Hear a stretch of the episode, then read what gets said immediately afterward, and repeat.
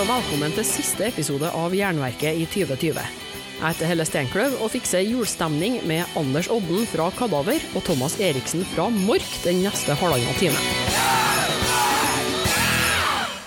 Før intervjuet er det noe jeg må si. For at Jernverket skal overleve som podkast, trengs det midler. Og du kan bidra med støtte månedlig via patrion.com jernverket, eller gi en enkeltsum via VIPS nummer 567438. Beløpet er sjølsagt valgfritt. All informasjon står nederst i episodebeskrivelser med lenker som fører deg rett til kassen. Tusen takk for alle bidragene så langt. Jeg klarer ikke dette uten deg.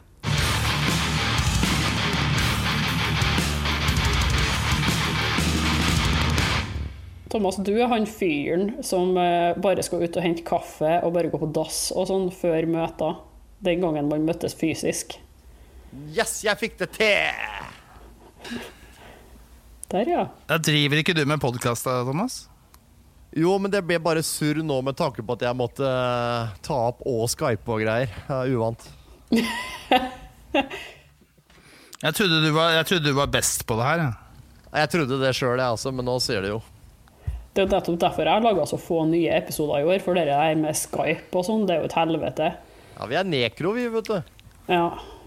ja men du har jo truffet massevis av folk og sånt, og utsatt folk for smittefare. Det har jeg, og døm meg, for å si det sånn. Mm. Men vi det er, er du som står for spredninga i Halden. Jeg holder, jeg holder, det, jeg holder det ved like. Ja. Det er viktig at grensa til Sverige forblir stengt. Ja, ganske nærme. Ja. Jeg, er port, jeg er portvakta. Har du vært i Sverige siden det ble covid? Jeg? Mm. Uh, nei, det har jeg ikke vært. Nei. Har du tatt sjansen på det, Anders? Det er jo Nei. Jeg har jo hatt forskjellige grunner til å ikke ta noen sjanser. Ja, jeg vet. Derfor tenkte jeg at hvis du var sånn ekstra glad i å leke med livet, da kunne en tur til Sverige vært vært ja, tøft. Jeg, så, jeg, er så, jeg, er ikke så glad i Sverige, egentlig. Vet du hva, nå, nå, når jeg tenker meg om, så gjør jeg nå. Fordi den lille, ja, per, den, lille, den lille, perioden hvor det faktisk var innafor og litt sånn smågrønt, så var jeg på Charlottenberg, faktisk. Wow. Ja. Du var er, ikke kjøpte, i Strømstad, nei? Ikke i Strømstad. Kjøpt, det ble langtur. Kjøpte folkeøl og snus? Nei, fordi Bohuslen, det var rødt. Ja. Ja, det var jo det. Men ikke Charlottenberg, for det er et annet len. Men eh, tar alle sammen opp nå, eller? Ja, vi tar opp. opp. Eh, jeg tar opp nå. Tar Kjempebra. Ja, det står at jeg tar opp her òg. Ja. Thomas, har du vært på den puben til han Per Sandberg, eller? Selvfølgelig har jeg vært der. Jeg og Per er bestiser, vi nå. Hvordan er det der? Åssen det er der? Det er helt, det er helt likt som det var uh, før han tok over. Hvilken pub var det, da? Ja, det er eh, Granbaren i Halden. Det, ligger, det, er det som ligger nærmest togstasjonen. På hjørnet. Hva er det der? Ah, yes, Ved siden av Reis, liksom. Står Bahare ja, okay. bak baren, eller? Ja, han er der hele tiden. Men Bahare, da? Nei, ba Hvem er det? Dama hans. Å ja, ja, hun er også der hele tiden. Iranske spion. Ja, ja, ja. Nei, vet du hva, jeg skal ikke si noe feil, for det er, det er hyggelige folk. Men er hun mye på den reaktoren? Re reaktoren i Halden er jo sikkert noe utsatt for sånn uh, spionasje. Vet du hva, Anders? Det som, er, er, det som er så jævla synd, da, det er at den reaktoren Jeg rakk aldri å dra og titte på den på noen åpen dag, eller noen ting, fordi nå er den nedlagt. Oh. Ja, ikke sant? Og, så nå er det kun, nå er det kun én igjen. Sendt til Iran. Altså, da, da, er det kun én igjen i Norge, og den er på Kjeller, i nærheten av dere. Ja Mm. Skal ikke se bort fra at uh, han uh, Per Sandberg starter pub på Lillestrøm. up and at home. Der har vi konspirasjonsteori. Ja, Det er kult, da. Det har vært kult sånn norsk krim. da At han liksom bare åpner puber i alle sånne atomsteder. altså, hvis det er et atomland du skal holde oppsyn med, uh, og du velger deg Norge, så er det litt spesielt. Men uh, du vet nå aldri. Ja, det er veldig gøy for konspirasjonen, da. Mm. Det er ekstra artig. Hva er det de egentlig gjør på atomreaktorene i Norge når de er så interessert i akkurat dem? Og hvorfor la de ned med en gang Per Sandberg starta pub? Du, du, du. Ja, her er det konspirasjoner, altså. Ja, men altså, vi, vi kan jo egentlig bare starte, siden du, eh, Thomas, har jo starta en konkurrerende pod til meg. Jeg men nå kan jo vi tre starte en konkurrerende pod til Konspirasjonspodden. Det kan vi gjøre. Det kan vi gjøre. Ja, det, har vært, det, treng, det, det, det trengs. Mm. Jeg, jeg hadde en idé til en podkast, for at jeg, jeg er blitt kjent med han eh, Hører du på, Er det noen av dere som hører på Radioresepsjonen ennå? Ja. Det er en av favorittinnsenderne. De syns, altså, altså, Folk sender inn spørsmål hele tida. Sånn, og han, han ene som gjør det veldig mye, som får gjennom en del ting, han kaller seg for Bolle-Mussolini. Ja. Og han har jeg blitt kjent med. Ja, er han eh, det samme fyren som kaller seg Bollemusseline på Instagram? Yes, Instagram. han er håndverker Ja, han er håndverker og metal-fan. Jeg har til og med vært- hjemme hos Bolle Jeg har til og med vært hjemme hos Bolle Mussolini. Hvordan endte du opp med å bli kjent med han? Det var helt sånn ut av det blå. Nei, nei, det var av sosiale medier. Han var så på liksom, hugget på kadaver og masse greier. Så jeg bare tenkte liksom Jøss, da spurte jeg altså Er det du som er han Bolle Mussolini fra Radioresepsjonen, liksom? Ja, ja, ja. Vidar Nilsen, liksom.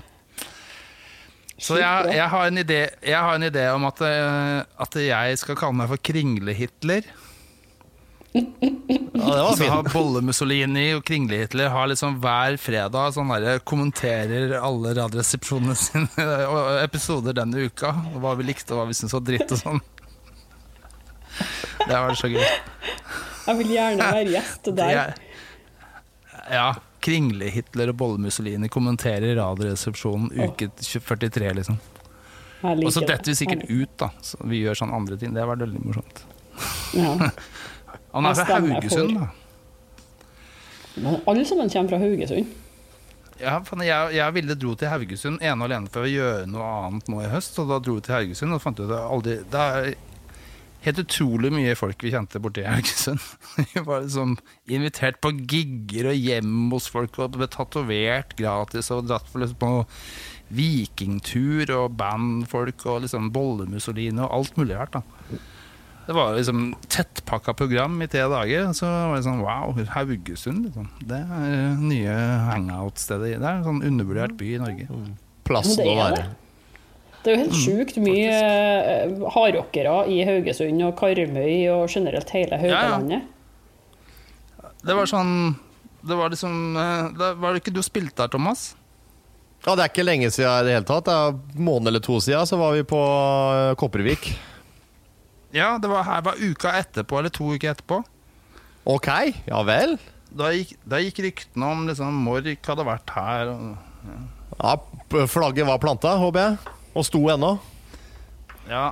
ja, Det er veldig sånn viking eh, Jeg vet ikke om du fikk tid til å se den der, men det er utrolig kult, det der vikingstedet. Eller er det der, eh, den humor-vikingserien på NRK, den som er sånn herre Ja, heter den bare ikke Vikings, eller Vikingene? Eller den som er sånn Ja, ja, jeg har sett noe av det, ja. Ja, men han uh, Kåre Konradi er sånn mislykka høvding og sånn. Mm. Ja, stemmer. Det er jo spilt inn der. Å ja, på, på Karmøy. Ja. Ja. Ja, riktig. riktig. Det er spilt inn der Harald Hårfagre faktisk hadde liksom festningen sin og opplegget sitt. Aha, all right. Så det er mye mer real, er mye mer real enn enn det der andre vikingserien som sikkert er lagd på New Zealand. Enn det? Eller Irland, ja, eller ja. New Zealand. Ja, Irland vil jeg stemme for, da, i så fall. Ja.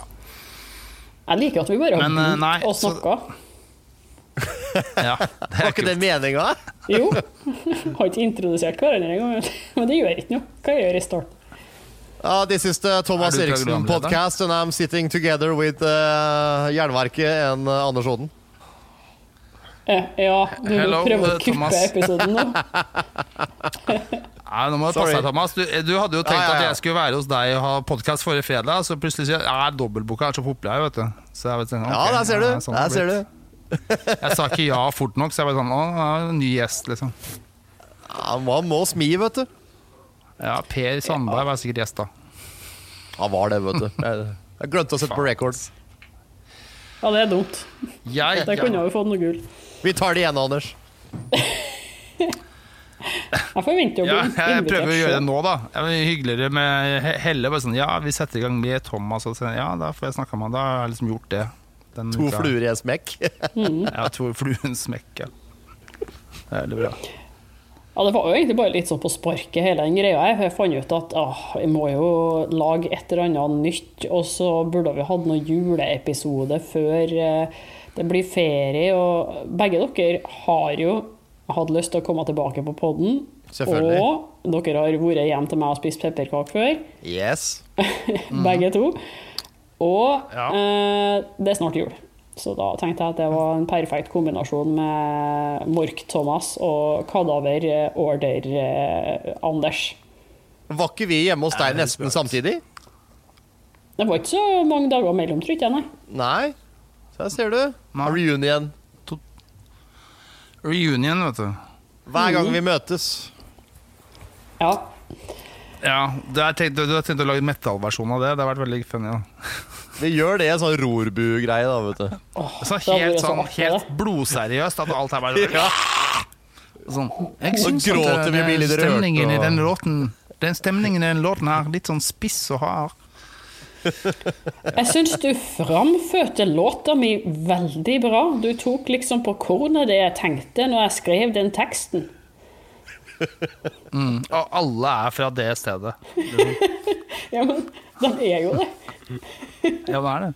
Fy faen. Jeg orker ikke å se på sånne ting, jeg. Og så er det Bjarne Brøndbo som skriker hele tida. Det er det jeg forbinder med. Ja, men du, Anders, Anders, hvor er det egentlig du og jeg er fra nå? Er vi fra Østfold, eller er vi fra Viken? Eller jeg blir helt forvirra, jeg. Ja, jeg vet ikke. Er det, du er jo nesten fra Sverige, er du ikke det? Ja, nesten. Dere vil jo alltid være østfoldinger. Altså Jo, For meg takk, så er Viken et ikke-sted. Og det samme er Vestland. Fins ikke. Telemark og. Vestfold fins ikke.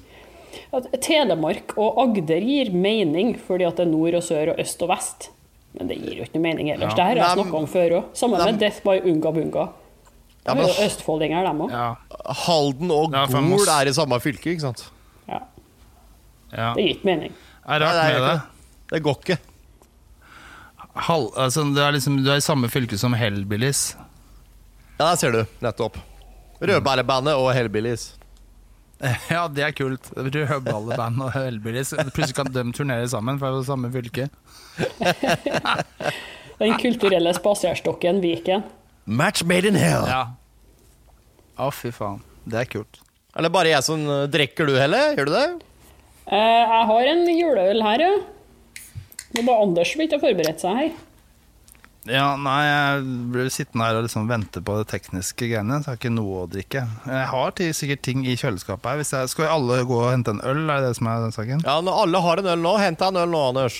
Du kan gå og hente, Ja, så det, venter vi. Da Jeg, jeg jeg tror jeg må det, så ellers blir jeg liksom ikke med i gjengen. Nei. Vi venter, Da vi. gjør jeg det. Ja. Supert.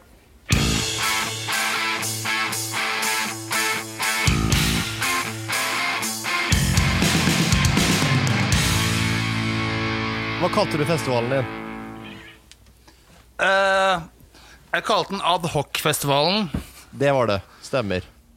Ja, hva var grunnen til at du kalte den det? Ja, for at det, det er kun alle som har hatt X-Fill som skulle forstå hva, hva det betydde. Ja, Jeg har hatt X-Fill, og jeg syns det var så kjedelig at jeg husker egentlig ingenting. Og i hvert fall ingen av de der filosofiske begrepene. Det, det, Ja, det er ja. ja. Ad hoc betyr eh, til dette formål. Det er noe som er eh, gjort i stand til en spesiell anledning, sånn uten at det er planlagt på forhånd. Hvis det er en ad hoc løsning, så er det på en måte noe som plutselig eh, må gjøres pga. at forutsetningene har endret seg, f.eks. Og det var det jo i aller høyeste grad, da. Den beskrivelsen du hadde der, passa jo perfekt til festivalen, egentlig. Det var det jeg tenkte. Så da bandt jeg det liksom bare til at alt er annerledes, men ikke hva slags musikk jeg skal ha. Nei, for på adhocfestivalen så var det ikke bare metal. Der var det jo type Rødballebandet og Hellbillies òg. Hadde du rødballe der? Jeg hadde til og med Arve Tellefsen. Nei, han, nei, jeg hadde representant fra Rødballe. Han eh, Steinar som var gitartech. Ja, ja, stemmer. stemmer. Men nei, jeg hadde Arve Tellefsen. Det var vel ytterpunktet. Det var ganske kult å ha Arve Tellefsen på festival. For jeg tror jeg liksom er siste gang jeg fikk sett han ever. Jeg liksom, han har jeg ikke sett live, så vidt jeg kan huske, men han er 83 år, så han har sett han på plakaten. Det er liksom Da satte jeg liksom standarden. Men det, og så hadde jeg bare Egil-band, og så hadde jeg jo Kadaver og Order. Så det var liksom forskjellige ting. Hu humor, klassisk og metall. Dette var jo den korte perioden det var lov til å gjøre litt småtteri i sommer. da. Hvordan gjennomførte gjennomførte arrangementet her, da? Nei, altså Det var jo det som var greia, at man kunne ha 200 pers utendørs. Og jeg har et sånt tun som er naturlig på en måte avgrensa, med en dam og bekk rundt på en måte på ene sida, skau på andre sida og jorde på fjerde sida. Så det, gikk fint an å liksom ha et slags uh, lokka festivalområde. da og så hadde vi en sånn ordentlig portabel scene og PA, og så hadde vi det gamle huset her som backstage og produksjonslokale ved siden av scenen. Så hadde vi lokalt bryggeri med øl. Og så hadde vi en grillkokk som lagde ting, hadde, og merchandise-bod. Så vi hadde liksom alt til en festival, bare i miniatyr. Vi kan jo eh, starte litt der, da, for at selv om det er artig for oss å bare begynne å jobbe, så kan det jo hende at eh, folk detter av litt når det blir veldig internt. det kan hende. Vanskelig å si. Men, men ja. enn eh, du, Thomas, hvordan har du holdt deg varm sånn spille- og festivalmessig nå under korona? Nei, det, det, har egentlig vært et helt jævlig røtent år, med tanke på at vi for første gang i år egentlig skulle turnere ordentlig, da. Vi skulle jo egentlig vært på europaturné, vi skulle vært i Sør-Amerika. Vi skulle vært på Vakken for første gang. Og det er helt jævla kjedelige greier. Men vi har spilt overraskende mye i Norge. Faktisk. Vi har jo spilt tre, tre-fire streamingkonserter. Er også noen vanlige også, med litt sånn begrensa publikum og sånn. da Så vi har vært mer aktive enn hva mange andre har vært, altså. Og du har ikke bare holdt på å lefle med festival, du heller, eh, Anders? Nei, jeg har jo ikke det. Jeg har um, eh, jobba mye med utgivelsen av den nye Kadaverskiva. Som kom nå når den endelig kom nå, var det kanskje er det to uker siden allerede? Eller forrige uke? Nå ble jeg litt Gratulerer, gratulerer Anders. Ja, gratulerer med det. Jo, takk, takk. Eh, så jeg har gjort mye promo. Eh, både sånn intervjuting, men også lagd video mens det var korona. Eh, lagd alle sånne promotion-videoting. Og gjort utrolig mye intervjuer, da. Både fjern og nær. Så det har blitt eh, mye, mye presse på det. Det er kult, det. Og mye bra respons. Det ser sånn ut. Når jeg kikka innom Facebook-sida, så var det bare 'thank you' diverse spillelister fordi at eh, vi er med på toppen eh, her.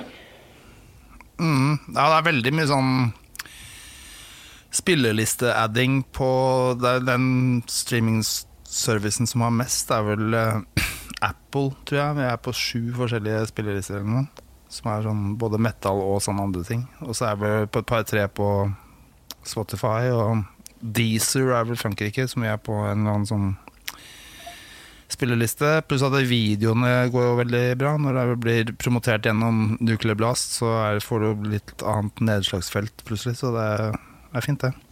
Ja, det er veldig stort. Kult. Mm. Og det som er den nye greia nå, å bare være på massevis av spillelister og eh, nettmagasiner. Det er nye radio. Mm.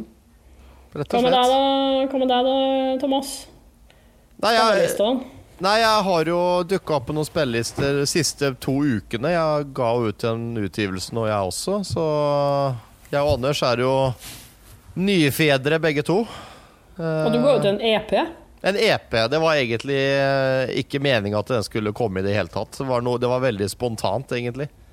Og det her er jo Pesta, da, som jeg kalte den. Den ble jo til fordi jeg var og besøkte Theodor Kittelsens uh, gamle uh, gard borte i Eggedal, faktisk. Og fikk tatt noen bilder der borte. Og så var det en kamerat som sa til meg at hvorfor lager du ikke bare en låt, liksom? Eller gjør en singel? Og da, ja, grei idé, egentlig. Så hørte jeg med Peaceville, og da var de enige, men de ville gjerne ha en EP, så da ble det firesporssak da med den låta 'Pesta', og så var det en sånn Bursum-coverlåt. Vet ikke om du må beepe ut Bursum-navnet, eller åssen det er, men For han er jo ja. Plutselig ble jeg blokkert fra Apple og Spotify for at du sa Bursum. Ja, nettopp. Nei, altså var det to livelåter da fra den siste konserten vi gjorde før covid. Så da ble det en liten utgivelse. Så det er stas. Men du Anders har jo jobba med kadaverplater mye lenger enn bare et kvarter, sånn som Thomas gjorde med det her. Vi snakka jo Jeg fikk da høre smakebiter, eller egentlig hele plata, allerede når du var til meg i var det 2018? 19 var det vel. 19? Ja, det var kanskje tidlig. Ja, ja. ja 19, ja. Mm. Ja, nei, Jeg hadde spilt inn ti låter når jeg var hos deg, men jeg spilte inn fire til, så det ble liksom tre til en EP og ti til skiva og en som ikke ble med. Men det var allerede da, ja. Eh, så jeg har jo Vi var ferdig miksa egentlig i sommeren 19. Spilte jo konsert på det derre eh, Hellbotn. Ja. Eh, og så skulle jo det skjer mer ting. Da først så fikk jo jeg da En måned etter den gigen på Hellbotn så ble jeg diagnostisert med kreft. Eller to måneder etterpå var det. Så da gikk jeg inn i den uh, verden. Og egentlig så har jeg vært sånn I retrospekt så har det vært eh, lettere kanskje å ha alvorlig sykdom siden verden har blitt som den blitt, ble, ble mener jeg. Fordi at uh, det å ha alvorlig sykdom når hele verden raser sammen, det er faktisk lettere enn hvis du har alvorlig sykdom og alt bare er som før. For da føler du sikkert at du går glipp av veldig mye. Mens hvis alle går glipp av alt, så slipper du liksom å tenke at det, å faen, jeg skulle gjort det, jeg skulle gjort det. Men når alle liksom må bremse opp, så føles det liksom lettere på et vis. Jeg vet ikke om det gir noe mening, men eh, jeg har kommet meg gjennom det og er helt frisk nå, faktisk. Det er godt å høre. Ja, det er veldig godt å høre. Du, du har jo delt eh, av prosessen eh, med å bli frisk underveis. Eh, var det, var det, noe du gjorde bevisst? At du ville at folk skulle vite at det skjedde, eller hva, hadde du noen tanke bak det å være så åpen? Ja, altså det begynte med at vi måtte avlyse en gig når jeg ble sjuk den helga. Så var vel eh, Du spilte vel her, Thomas Westen, det der Moss-fest som Stig satte i gang? Ja, stemmer. Um, dere skulle vel spille skal si, uansett, men Order og Kadaver skulle også spille der, så vi måtte jo avlyse begge to. Så da sant, Hvis du avlyser pga. at du, noe har skjedd som liksom såpass mange får med seg som en sånn festivalgreie, da, så blir det uansett det er liksom, Hva kan det være? Enten så har den gått liksom rehab, eller så er det alvorlig sykdom, liksom. Ja. Det, liksom enten, det blir liksom enten en av dem to. Noe har skjedd, liksom. Så i hvert fall når man ikke er liksom høngammal, så, så ville jeg tenkt liksom Ja, jeg vet ikke om hvor mange som gidder å spekulere, men når jeg liksom plutselig fikk i Rett før jeg ble operert, så fikk jeg en videohilsen som uh, Hans Erik eh, Hank von Hell hadde gjort eh, fra han Mickey D. Han hadde vært og møtt han og hatt han som gjestetrommis på en sånn gig som han gjorde i Sverige mot altså for kreftforskning. For Lemmy døde jo også av kreft. Så fikk jeg liksom sånn personlig sånn der Mickey D-videogreie. Stå på, Anders, hvis du gjør deg sånn. Det ble veldig rørende når jeg fikk den. da Så det her er faktisk noe som er som jeg har lyst til å dele. Og da tenkte jeg da kan jeg heller bare si hva det gjelder. Så da gikk jeg ut med det, og det har vært fint, det. Dattera mi også ble jo da involvert i det via at hun ble jo intervjua av NRK nå i høst som en del av en del ungdommer som skulle bli intervjuet, som NRK fant til um, Dagsrevyen sånn Hva skjer med ungdommen i korona et halvt år etterpå? Og så fortalte hun plutselig liksom at jeg hadde hatt, eller faren hennes hadde hatt kreft samtidig. Og da uh, spurte NRK om hun kunne gjøre en større sak, da, så fikk hun liksom en sånn fire minutters greier. De fulgte liksom henne rundt i to-tre dager og masse greier. Så ble det liksom en større sak. Men jeg tror det var fint for henne også, for liksom, da ble vi liksom sammen om det på en liksom spesiell måte. Mm. Så det har vært uh, fint, det. Da slipper man liksom å lure så veldig. Siden det på en måte også har gått veldig bra, så er det liksom greit å dele. For det er jo sånt som kan skje med hvem som helst. Ja, sånn. Ja, det er lett å tenke at det bare skjer med andre, men uh, når, når, vi først har sosiale medier, så kan det faktisk være greit å dele sånne ting òg, så folk vet at uh, du er ikke, du er ikke alene der ute. Mm. Ja, nei, jeg har fått mange henvendelser fra folk som har hatt alvorlige sykdommer, sånn som på grunn av det, selvfølgelig.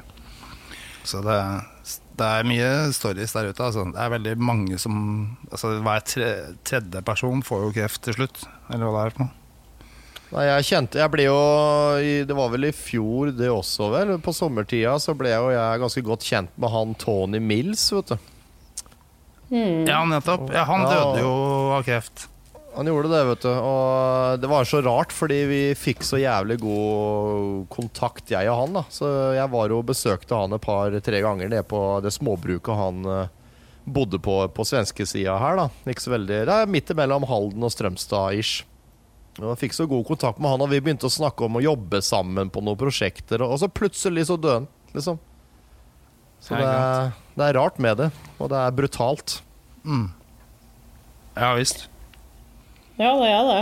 det livet har vi bare til låns, så det er en klisjé, og det er en grunn til at det er en klisjé. Ja, lev det nå mens man har mulighet. Ja. Det der eh, live fast, die young er ikke så veldig aktuelt lenger, føler jeg. Det er mye artigere å bli litt gamlere og ha et langt liv å se tilbake på. Satt det. ja, men når man sitter i en sånn Det Nå ble det veldig sånn tung stemning her, føler jeg. Men uh, det gjorde vi jo sjøl. Men altså, det som er sånn Når man havner i en sånn alvorlig sykdomsgreie som du kan dø av så i hvert fall Min løsning på det var egentlig bare å tenke uh, at det her skal jeg klare, og klarer jeg det ikke, så klarer jeg det ikke. Men jeg skal jobbe for at jeg skal klare det. Det tror jeg sånn, Uansett hvordan det går, så tror jeg det er lettere å komme seg gjennom hvis man er veldig aktivt innstilt på at man skal klare seg gjennom det. At man trener og som gjør de tinga legene sier. At man liksom kjører på og gjør de tinga man hadde tenkt å gjøre hvis man klarer det, osv. Så, videre. så man ikke, ikke liksom bare ekskluderer seg selv fra alt og liksom lar sykdommen ta helt over identiteten. Da. Det tror jeg er verre for uh, enn å liksom Ja kjøre på som før, på en måte, så langt det lar seg gjøre. da. Jeg tror at det å være positiv gjør veldig mye for kroppen, sånn uh, fysisk. Ja, Ikke bare positiv, Thomas. Det kan også være sint. det hjelper, jo, hjelper, bare å gjøre ting. Ja, det, det, viktigste er å ikke sette seg ned med hendene i fanget, bare. For uh, ja, nei, Gir du opp, så er jo slaget tapt, på en måte. Ja. Det er helt annerledes å ha sånn sykdom enn man ja, sorry. Det er helt annerledes å ha en sånn alvorlig sykdom enn man tror. Det er vel det jeg har kommet fram til. Det kjennes helt annerledes hvis, hvis man noensinne har tenkt liksom, ja, sånn er det å ha sånn sykdom, så alt blir veldig annerledes. Og man får liksom Det er mye sånn ja, mye bra galgenhumor på sånne kreftsentre og cellegiftspasienter. For det som var Når jeg gikk ut av operasjons... Eh, jeg ble operert, da, for å si det sånn, så jeg, ble, har jo fjerna masse innvoller. Jeg hadde tarmkreft, så da kan du bli operert. Og så etter operasjon så går du på cellegift for å ja, være sikker på at alt er ute. Og når det var covid-19 og cellegift samtidig, så ble jo alle hele avdelinga fri for uh, pårørende. Det er utrolig spesielt at når sykehuset er bare pasienter, så går jo alt på tida, og alle timene er som de skal, og alt er bare mye kjappere. Og alle som sitter der, er på en måte bare pasienter. Da blir det mye mer galgenhumor mellom pasientene enn når det er pårørende som er sånn nervøse for, for dem de er sammen med hele tida. Så jeg tror også det var en sånn fin greie. Det var flere sånn folk som jeg er helt sikker på kanskje er døde allerede, som er sånn terminale, som jeg hadde bra kontakt med deg og da. Men så har jeg bare tenkt sånn, jeg orker ikke å grave for mye i det, men vi hadde liksom en fin greie når vi satt der. Så det er litt sånn spesielt. Hmm. Han eh, Lars Grønnerød, vet du, han fra Orderud-drapet. Han missa jeg akkurat. Jeg begynte på cellegift liksom én måned etter at han døde på samme avdeling. Oi. Er faen! Der kunne jeg fått noen historier apropos Ja, ok. Ja, Jeg skulle blitt bli syk to, to måneder før, så kunne jeg liksom hatt en cellegift sammen med Lars Gunnvin Det er jo sånn konspirasjonspodden, vet du. Jeg traff en annen fyr som kjente den, da. Gjorde du det? Ja, Han ja. og, hvem var det som som eh, drepte uh, Orderudene? Nei, han sa ikke noe om det, dessverre. Han hadde ikke liksom, inside, mer inside på det. Jeg var litt skuffa. Så, Faen, kan ikke, vet ikke du det heller? Kanskje ikke de vet det sjøl engang. Nei, at det var liksom bare mørkt, ja. mm. Noen skjøt litt rundt. Ja. Alle sammen. Eller at det var sånn-. Og Mexican standoff, alle hadde pistol, og så døde liksom halvparten. Det kan være. Eller sånn russisk rulett eller noe. Så var det to Ja. kuler. Oi. Ja, Ja. ikke sant? Nei, kunne ha vært. Nei, eh, men jeg, jeg setter veldig stor pris på at eh, de deler og er åpne om, eh, om det her. Og selv om det er å bli tung materie, så er det en del av livet, det òg. Det er det. Ja, det må vi tåle. Absolutt. Og jeg har jo da det, det, det, det, Bare sånn For å avslutte det, så har jeg da, siden den plata til Kadaver heter Edder og Galle, på en måte Jeg har jo gjort edder til et engelsk ord, da, men uh, det er liksom morsomt. Men uh, særlig Thomas er vant til det, du synger jo norsk og engelsk. Men uh, jeg, har, jeg har faktisk sett min egen galle, og vet åssen min egen galle er. Jeg har fått den dratt ut gjennom nesa. Var den svart, rød eller hvit? Eller De hadde jo disse teoriene Den i er grønn. middelalderen om Ja. Nei, den er grønn. Den er grønn, ja. Mm. Så det er utrolig mye av det òg. Du kan bare dra ut og lage leveren mer, liksom. Det er det leveren driver med.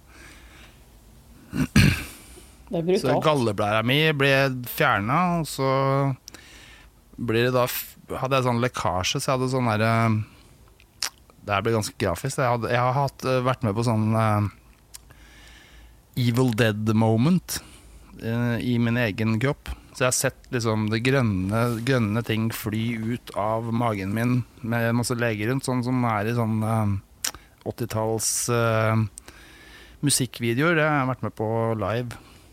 Det høres ut som et av de tidligere covera dine, Anders. Ja, det er mye alt, alt på en måte ble sånn Det er helt utrolig hvor nært det ble egentlig plata og alt. Nettopp. det er Altså- sånn death metal. Ja, altså Kadaver hadde jo Mr. Tumors Misery også som sånn hitlåt i 92, så Ja, there you det go. henger sammen. Så legene så det originale Severed Survival-coveret, mens du så det alternative coveret fra der du lå. Ja, jeg så det sånn, sånn i sånn eh, Som det heter i porno, eh, POV-versjon. Ja. Point of view. Hei! Så, så det er sånn det gore-porno. Så det er altså groen til at uh, omslaget på uh, Eder og um, Galle, altså nyskiva, er grønt. Grønt og heslig. Ja, ja det, er, det henger sammen. Jeg, jeg hadde faktisk jeg, jeg, var, jeg var såpass frisk at jeg liksom eh, tenkte å spørre kirurgen om han kunne ta bilde av det han fjerna. Så tenkte jeg nei, faen, det blir Hadde jeg liksom vært litt yngre, så hadde jeg tenkt at det var kult som cover, men jeg, bør- jeg har ikke bilde av det. altså Nei, Som er urut, sånn- det er urut, ass. Altså en Carcass-cover fra egen kropp. Det hadde jo vært fryktelig brutalt, da. Jeg må si Det at du hadde vært litt, uh, Ja.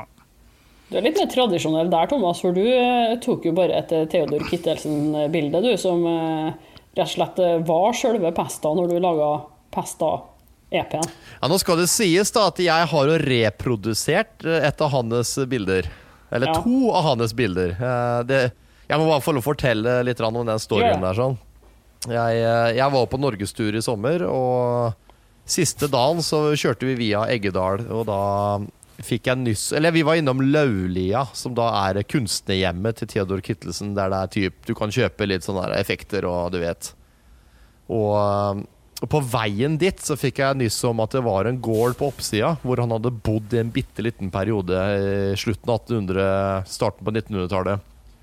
Og at der står det et stabbur hvor faktisk to av de mest kjente tegningene er basert på. da Og det er jo da Pesta i trappa og eh, jeg håper å si den herre Musta, den herre senga med det herre dødningshodet oppi. Og jeg, trodde, jeg tenkte jo bare for meg sjøl at det, det, det er sikkert bare noe han har tegna ut av ren fantasi, men det er jo faktisk et sted inni det bygget. Så, ja. Ja, så når jeg sto der og dro i den døra som var låst, da, så fikk jeg rett og slett god gammel blod på tann og måtte bare prøve å komme meg inn der på et vis. da Så jeg dro tak i eieren av Løvlia, som da dro tak i eieren av denne her gården, da som var i privat eie. Og fikk satt opp en fotoshoot en uke senere, da så da kom jeg tilbake dit igjen. Og eh, jeg hadde med meg fotografen min og kjæresten min og hennes barn.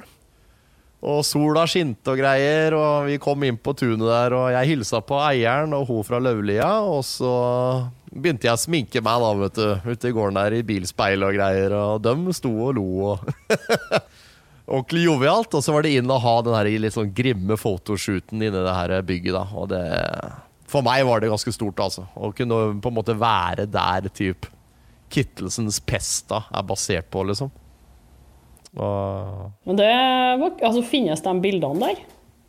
Nei, det som er greia, er at dere, hvis du går inn i det her uh, stabburet, så går du opp en trapp, og så snur du deg og titter tilbake på den trappa, trappeoppgangen, så ser du da denne her pesta i trappa-motivet. Ja, men jeg tenker på det du igjen er reprodusert. Det vil jeg jo se. Har du ikke sett det? Nei. Nei, Nei, det er jo Ja, det der, ja. Ok, jeg har ikke, Er det deg oppi senga der? Det har ikke jeg lagt merke til. Nei, det her er det altså, skal vi se her. For jeg har bare sett det sånn smått på Spotify, for jeg har ikke kjøpt skiva ennå. Nei, det her er altså da Vi tok jo bilde av senga, og så har vi jo selvfølgelig eh, fått inn en eh, dødning i ettertid, da. Der ser du hvor idiot jeg er, vet du. Så det der er faktisk Ja, der er du bakom, ja. Jeg har bare Der. sett fronten siden jeg ikke har kjøpt skiva, men det der er jo Nei, da, da trekker jeg tilbake. Du er faktisk veldig original. Det, er, eh, det der er jo pesta i trappa, men det er meg isteden. Ja, jeg ser at det Litt, kanskje det litt harry og banalt, kanskje, men for meg var det bare et must. Det måtte gjøres.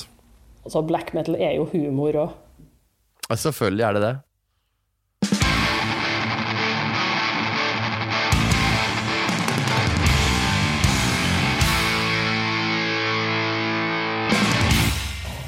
Vi kan jo ikke bare drive på og snakke om sykdom og seriøse ting som plater og sånn. Det er jo meninga at vi skal snakke litt om jul òg. For eh, til og med hardrockere feirer jul. Jule med Y. Ja. Den gamle, gamle varianten, ja. Det som har skjedd nå på julefronten, skal jeg, hvis jeg kan begynne, det er at uh, kona mi dro på Rusta.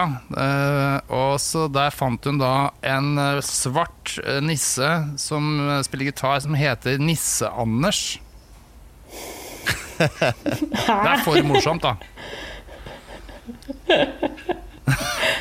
Så den, den må vi ha, sånn, selvfølgelig må vi ha den. Så, men så, så prøvde jeg å være morsom tilbake og si at eh, så da, når det liksom har kommet en egen Anders rockenisse, kanskje det liksom kommer en sånn vilde halloween-heks, det er jo ikke noe gøy, da.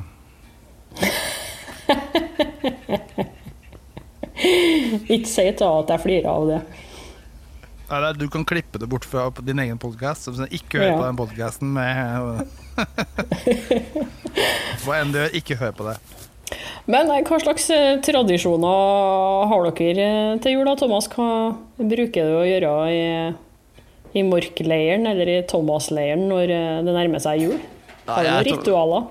Ja, vet du hva, Nå er det ikke noe adventsstaker eller stjerner eller noen ting her. Jeg har rett og slett ikke rekt å ta det fram. Så jeg og min bedre halvdel skal sette av fredagen som kommer nå, til litt sånn sterk gløgg og litt pønting her. Så jeg er kommet litt til det punktet hvor jeg ikke har så mye julestemning, så jeg må på en måte Jeg må tvinge det fram, da. Fordi jeg har jo Ikke for å dra det ned det negative igjen, men familien min har krympa vesentlig de siste åra. Så det er blitt sånn herre liten vits å ha noe jul hjemme, egentlig. Men eh, pga. kjæresten min så, har, så, prøver vi å få fram litt stemning, altså. Hva må til for at du skal kjenne stemninga? Hva slags eh, ting er det som fremkaller den lille varmen i brøstet, og kanskje en, til og med en eh, tåre i øyekroken?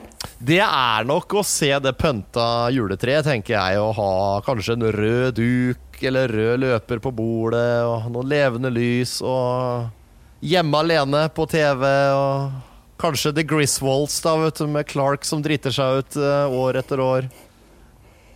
du vet. ja. Jeg vet.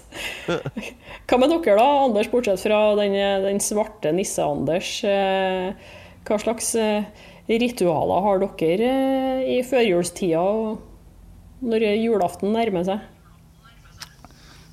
Altså, Kona mi syns jo som regel at det er litt, blir litt mye med jul, så hun har liksom ikke vært så veldig glad. Men plutselig nå har hun blitt sånn veldig mye mer julete. Så hun har vært liksom og kjøpt juleduk og sånn uh, lite tre. Nisse-Anders har fått seg venn, sånn Johnny heter han. Er to stykker, da, så det er sånn slags band.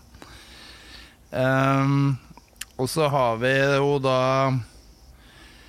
vi baker jo ikke så mye til jul, men hun har faktisk begynt å bake sånn Serina-kaker til jul.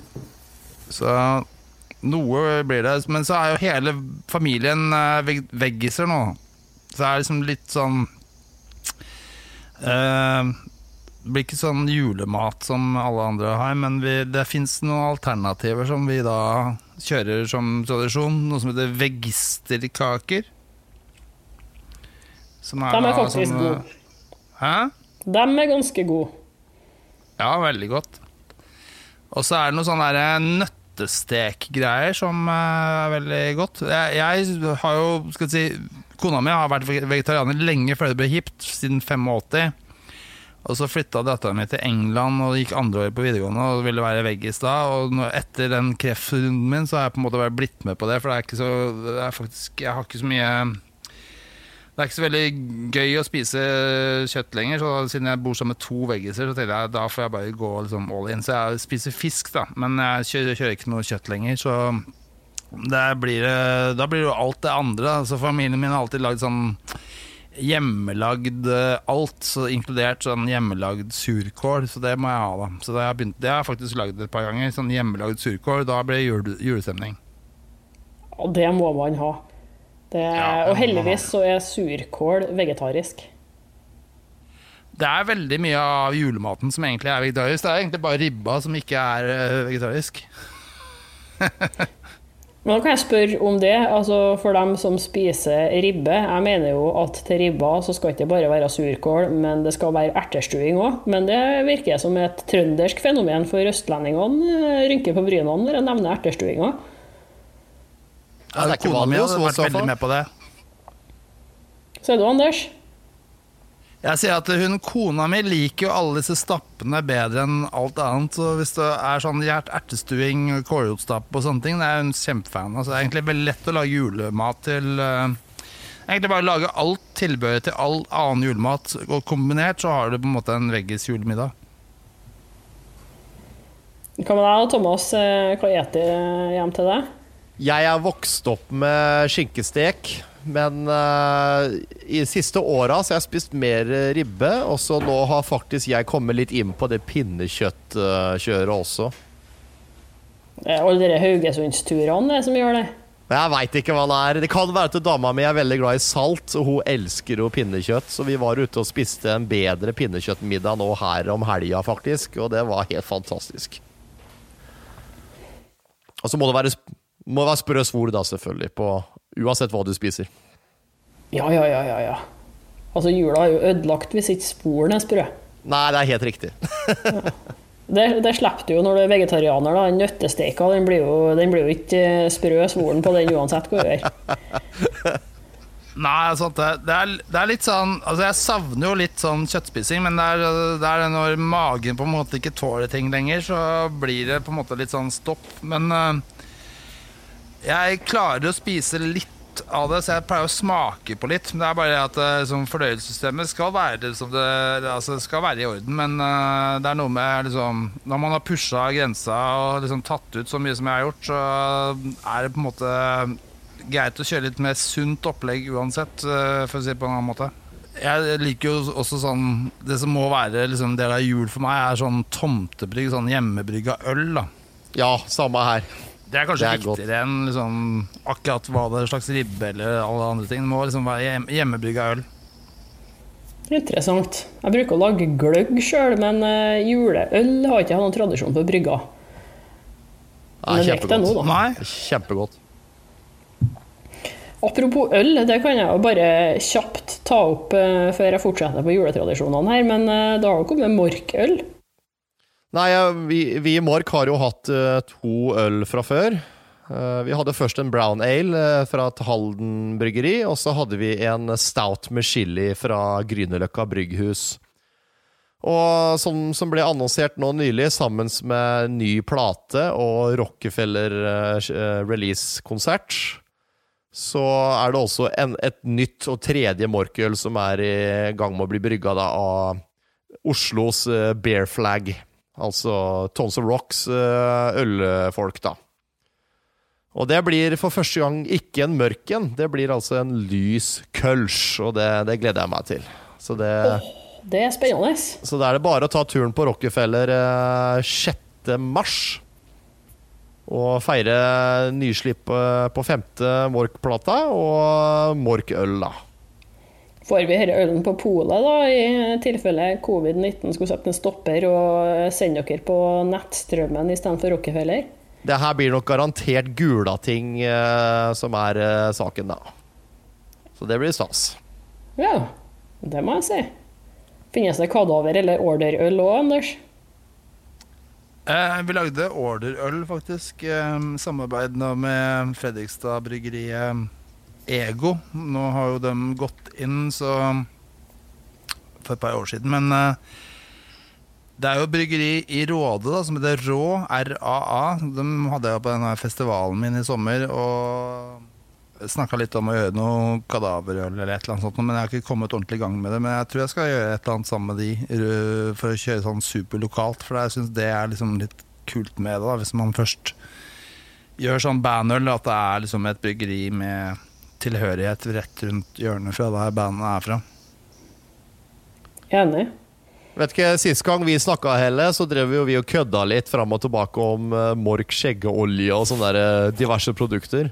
Ja, Har du kommet noe videre der, eller? Uh, det stoppa litt der, men i morgen, så skal, nei, på torsdag, så skal jeg faktisk i møte med en amerikansk uh, hot sauce-leverandør. du hermer etter meg, du. Ja, man må smi, vet du. Skal du lage hot sauce? Hot sauce er mork hot sauce. Hvorfor ja. ikke? Jeg ser dere munnvollsamarbeidet Jernverket hadde, vet du, så må Thomas gjøre det samme. Selvfølgelig. Idolet mitt, vet du. Ja, men jeg, jeg, jeg, jeg, sånn jeg, jeg kødder ikke heller. Det er, det er, desinfiseringsmiddel. Det er jo mye pga. deg, Helle, at jeg starta med podkast. Ja, men det, det, skal sies. Du har gjort det veldig bra, Thomas. Og du når nok en mye større lyttermasse enn meg, siden du har valgt å ha det på engelsk. Ja, Det er bare det å våge å tråkke uti og liksom tørre å drite seg ut litt med språket. Det, jeg syns det bare er morsomt. Vi er nordmenn som snakker engelsk, da må det bli litt uh, så som så. Tor Heyerdahl og Petter Solberg uh, møtes. Ja, oh yes. Oh yes. Men eh, tilbake til jul, da. Eh, Anders, eh, Har du julekalender, og ser du på julekalender på TV?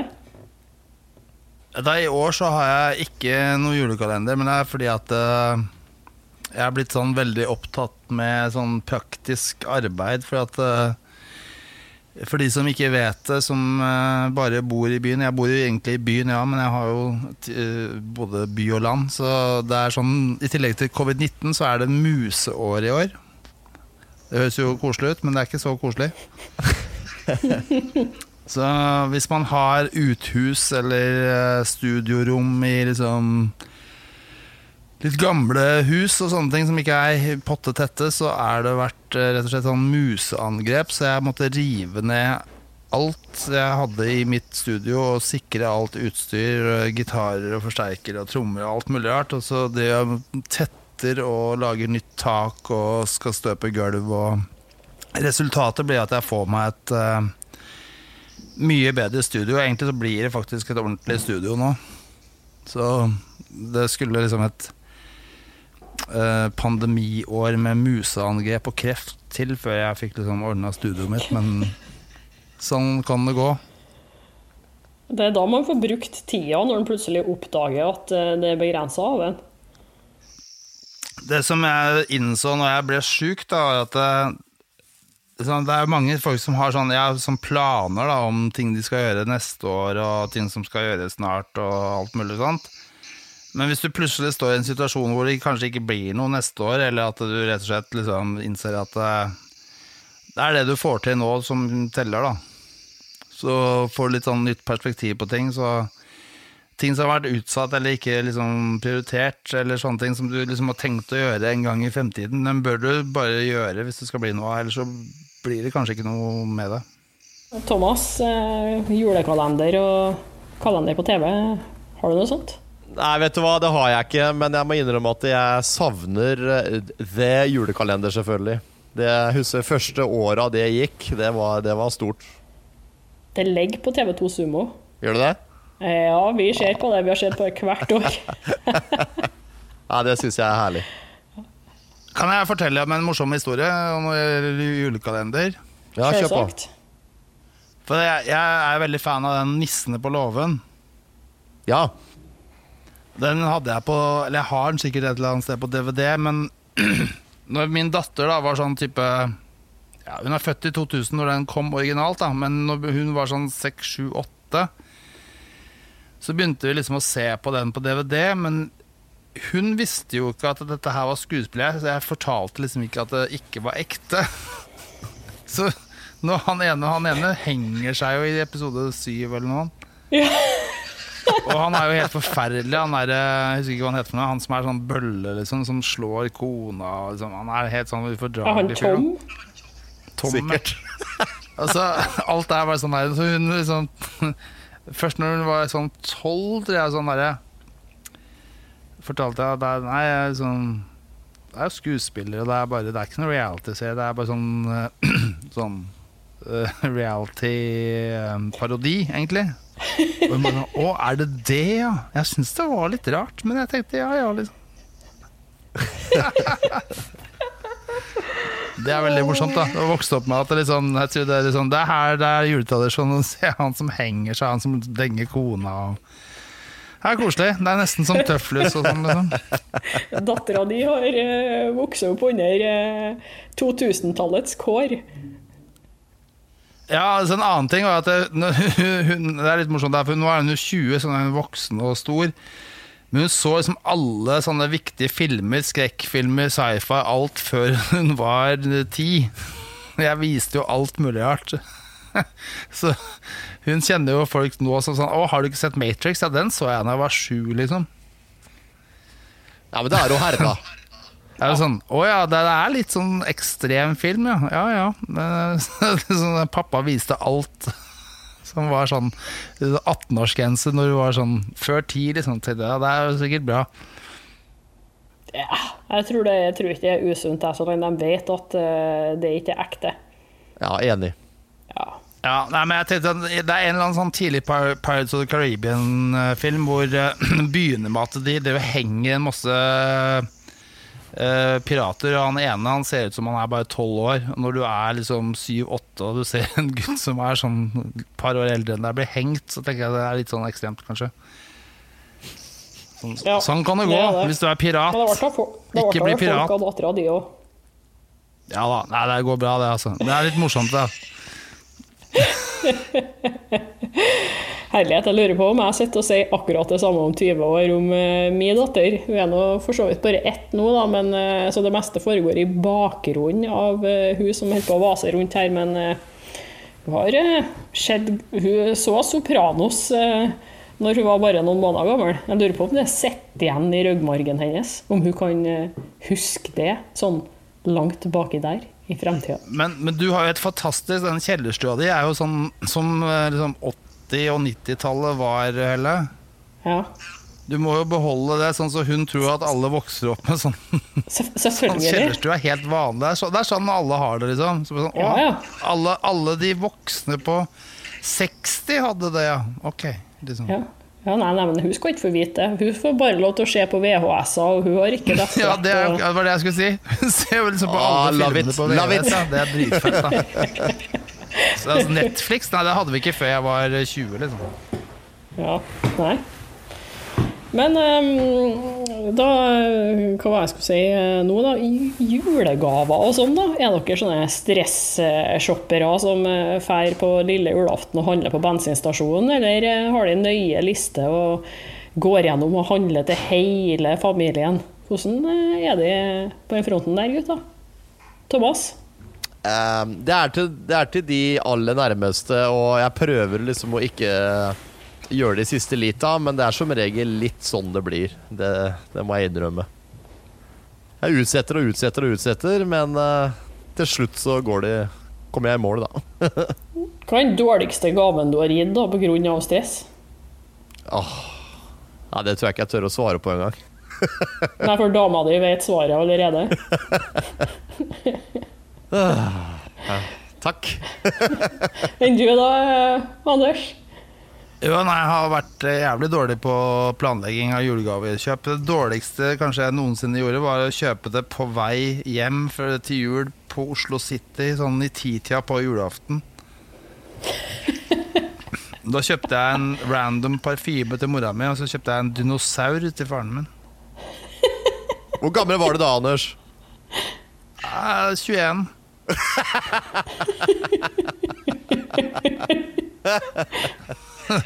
Jeg husker ikke hva søsteren min kanskje fikk den dinosauren. Hun passa ikke til henne, eller hun var 17, så det var i hvert fall ikke noe match. Men uh, Nei, altså, i, i, det siste året så har jeg handla nesten bare på nett, ja. Ja, det er det man gjør, da. Så det er lettvint. Men jeg handler på Candy Crush. Men hvordan stiller dere dere til det nå? da? I år så er det jo spesielt viktig egentlig å handle lokalt. Og om ikke du kan støtte lokale butikker pga. Eh, sykdom eh, eller covid, så eh, kunne man støtta norske nettbutikker i hvert fall. Hvordan stiller dere dere til det? Skiter i det om alt går dukken og at det dukker opp Starbucks på hver hjørne, eller er det jo den typen som er mer Nei, vi skal ha alt som før stiller spørsmål på ytterpunktene ennå. Ikke noe imellom. Skal jeg ta først? Ja. Nei, altså jeg, jeg, jeg, er veldig for å støtte lokalt næringsliv. Jeg, jeg tenker sånn I år så har jeg lyst til å kjøpe sånne um, ting som kan spises, eller altså sånne ting. Ja. Altså Ikke være sånn materialistisk, men kjøpe litt sånn ja, kule sånn komboer med sauser og oljer, kanskje, og litt sånn ja, litt sånne ting. Ikke bare sånn stæsj. For folk kjøper Altså sånn ting og tang man trenger, det får folk liksom egentlig kjøpt, kjøpt seg sjøl, med mindre helt konkret 'jeg ønsker meg dette', liksom. Men det er jo sånn overflod i dag. Det finnes så mange butikker og så mange ting. Det er nesten ingenting som man liksom går og ønsker seg lenge, som man trenger lenger. Hvis det ikke er liksom sånn kjempestore ting, da. Men øh, jeg føler at uh, i år så er det viktig å støtte lokale butikker. For, eller folk som lager ting lokalt, er kanskje det beste. da Ikke bare som folk som videreselger ting fra Kina likevel. Da kan jeg heller kjøpe på wish.com. Er du og Thomas? Nei, Er det noe jeg trenger liksom, eller behøver, så kjøper jeg selvfølgelig lokalt. Men når det kommer til gaver og sånn, så jeg tenker bare sjøl at det, det, er ikke så veldig viktig for meg at jeg får noen gaver, så lenge jeg Det handler mer om å være sammen med de man har rundt seg, da. Jeg har kommet litt dit at eh, gaver er liksom ikke det viktigste. Og så er det heller ikke så veldig mange yngre som jeg bør tenke på, annet enn eh, barna til uh, kjæresten min, selvfølgelig. Så det er, voksne mennesker trenger ikke mer dritt enn det de har, liksom. Som regel er det ting som bare tar plass, og kjøpe bare for å kjøpe syns jeg blir litt feil. Vet ikke hvordan dere stiller dere til det? Jo da, jo da.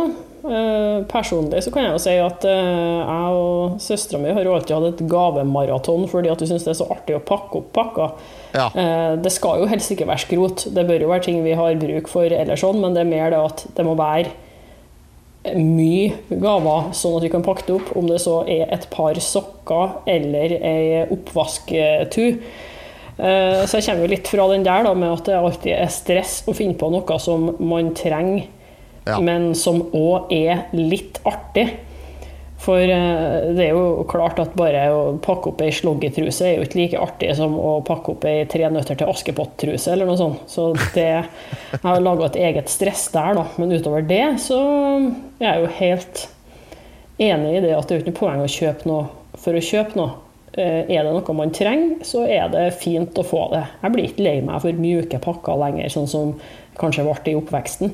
Nå er det helt supert å få et par lugger, fordi det trenger jeg alltid. Eller pak pakker som skvulper når du rister på den. Det er også litt morsomt, da. Det er innafor. Ja, det kan være det. Det kan ja, være det, altså. Det er greit. Det, det spørs jo litt hva som skvulper inni her. Om det er en død gullfisk, så uh, tror jeg kanskje at jeg hadde uh, tenkt meg om to ganger uh, før jeg sa tusen takk, men det er klart. Skål. Skål, folkens. Kjøp en sixpack til alle du er på jul med, liksom. da blir det fest, da. Stemning. Det er morsomt, da. Men Har dere svære juleselskaper, eller er, er dere sånne folk som feirer på 1000 familiefester i romjula? Det, det, er jo en del som eh, bare feirer fra eh, selskap til selskap og ikke har en eneste hviledag gjennom hele jula og bare stapper trynet fullt av riskrem hver eneste dag før det er på'n igjen? For min del så har jo som sagt familien krympa vesentlig, så det, det er liksom litt slutt på den der uh, julaften, lille julaften, første og andre dagen og sånne ting. Så, og spesielt i år, da, med takke på situasjonen, så er det jo greit å ikke være så mange samla òg. Jeg har jo en mor som uh, helst ikke burde bli sjuk eller smitta, for å si det sånn. Så det, det blir amputert i år, men uh, bare satse på at det blir hygge uansett, vel? Anders? Ja, nei, vi har um, Altså, i fjor så var jeg syk, så jeg på en måte var Vi hadde sånn hjemmejul, så i år så blir det hos mor og faren min. Men det er, pga. restriksjonene så er det jo Er det lov å ha ti stykker sammen, er det det? Er det ikke fem, da? Ja. ja, men jeg lurer på om jeg skal gjøre unntak i jula. At oh, ja. Eh, det var to dager med unntak i jula eller noe sånt. Ikke at man smitter mindre bare i to dager, da, men de har vel laga et eller annet slags unntaksregel, tror jeg. Og hvis man er i samme kohort, så gjelder det som én person. Og jeg syns det er litt merkelig, det regnestykket der, men ja, det er sånn jeg skulle egentlig si at ikke hør på denne podkasten her for råd om hvor mange du skal være på julaften, men gå inn på fhi.no eller helsenorge.no. Men jeg skjønner jo ikke det som står der, for at de har forandra mening så mange ganger at det er eh, Nei. Ja. Altså, vi har den julaften her med Da blir det ni eller ti, og så er det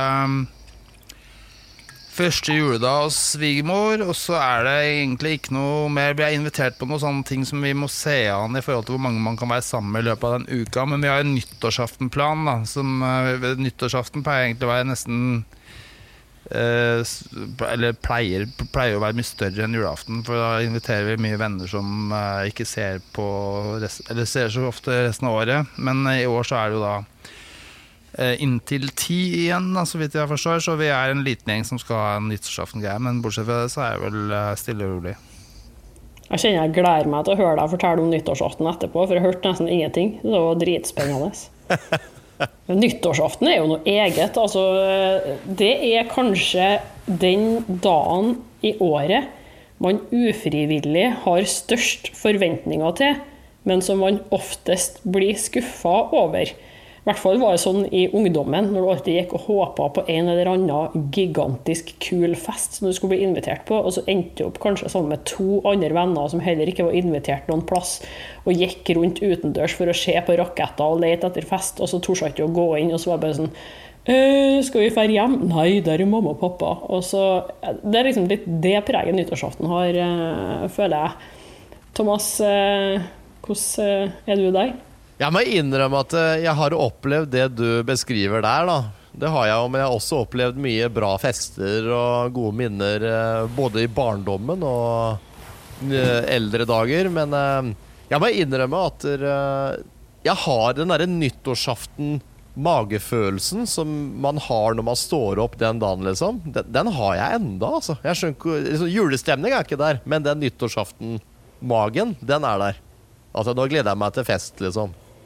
Selv om det kan ende opp med meg og to kamerater, liksom. Vet ikke åssen det er med dere. Det er lett å please, Thomas. Lett å please, vet du.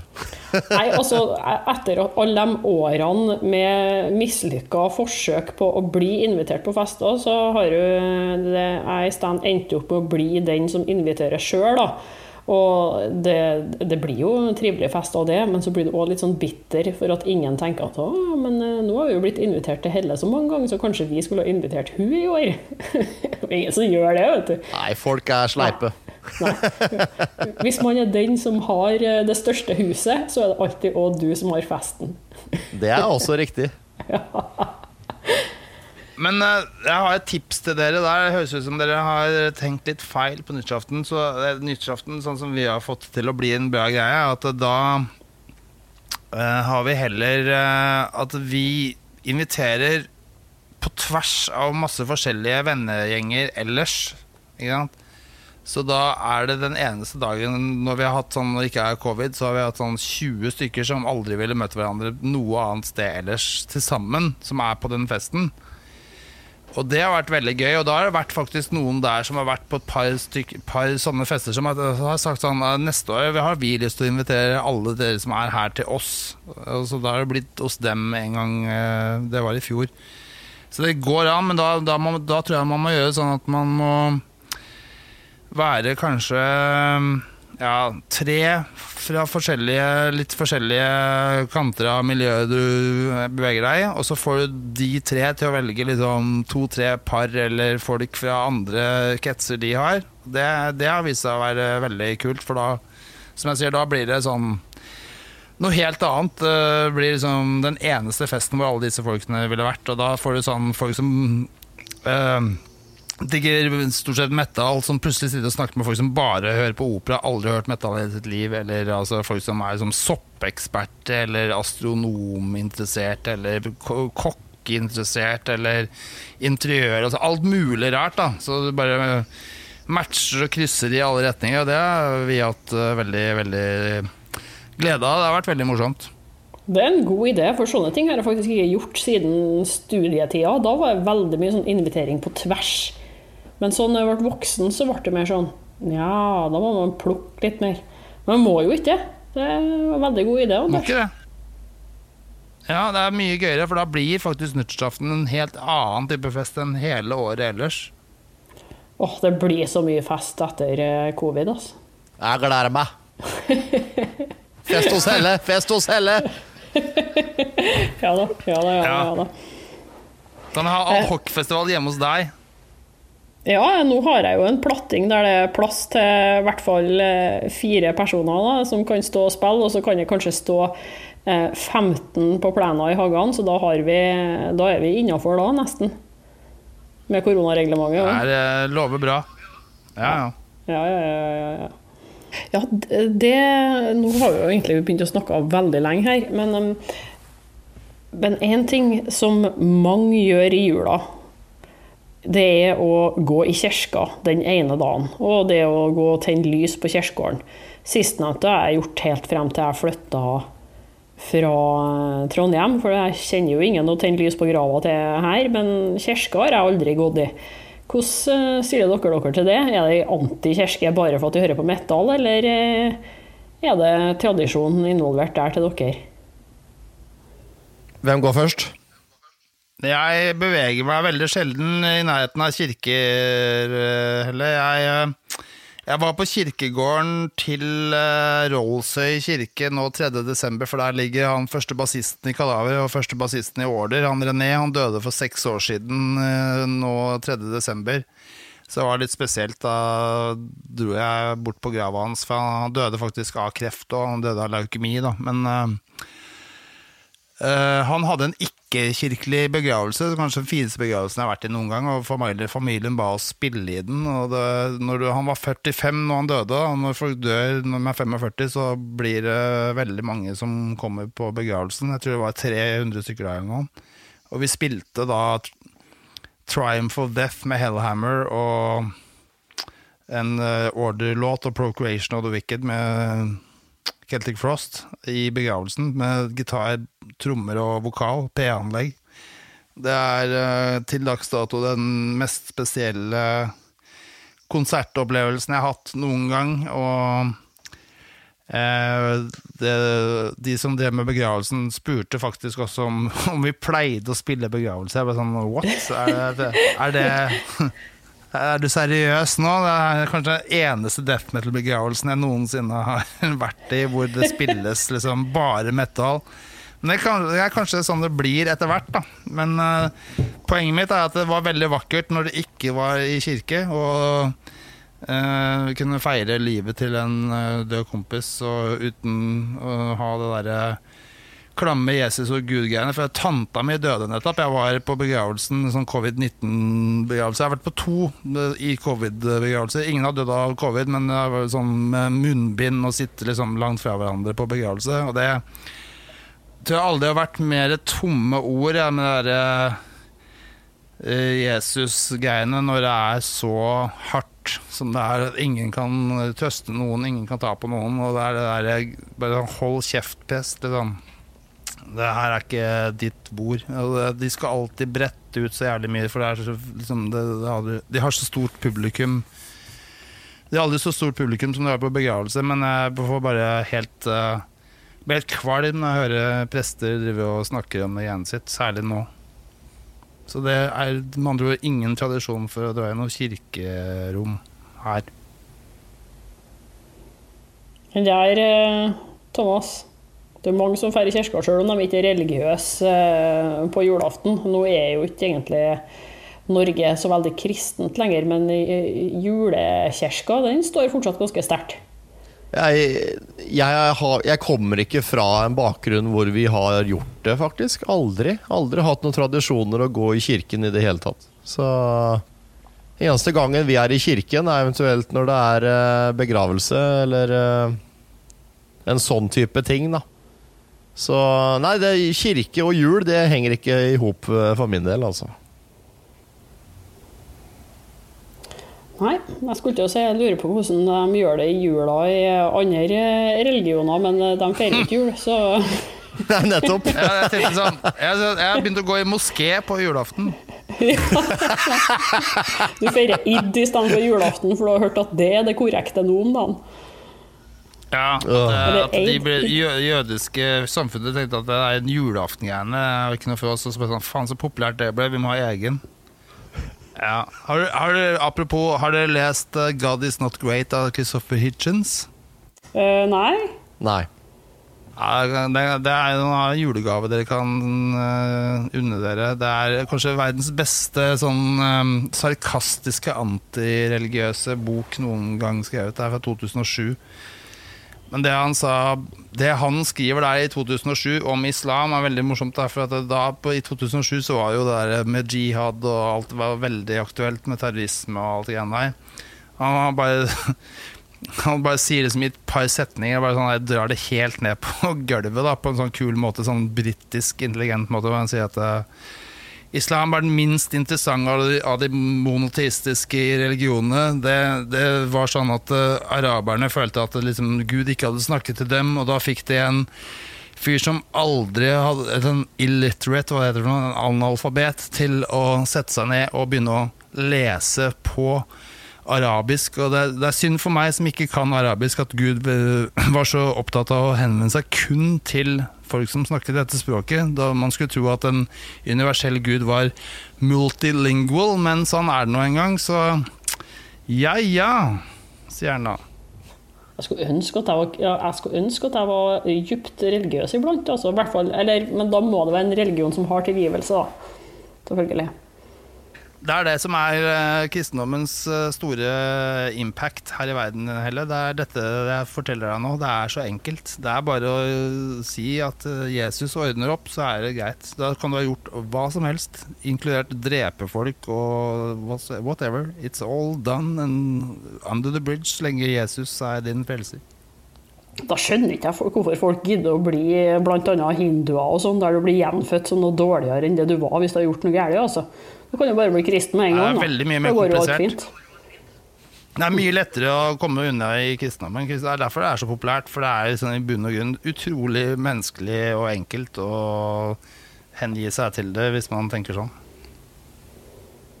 Da eh, et eh, Ja, det blir jo kommer ikke til å bli siste spørsmål uansett, jeg må jo klippe sammen her på en eller annen måte. Men eh, hva tror du det hadde blitt gjenfødt som, da, hvis det skulle ha vært en del av dere sirkeltradisjonene i det fjerne Østen?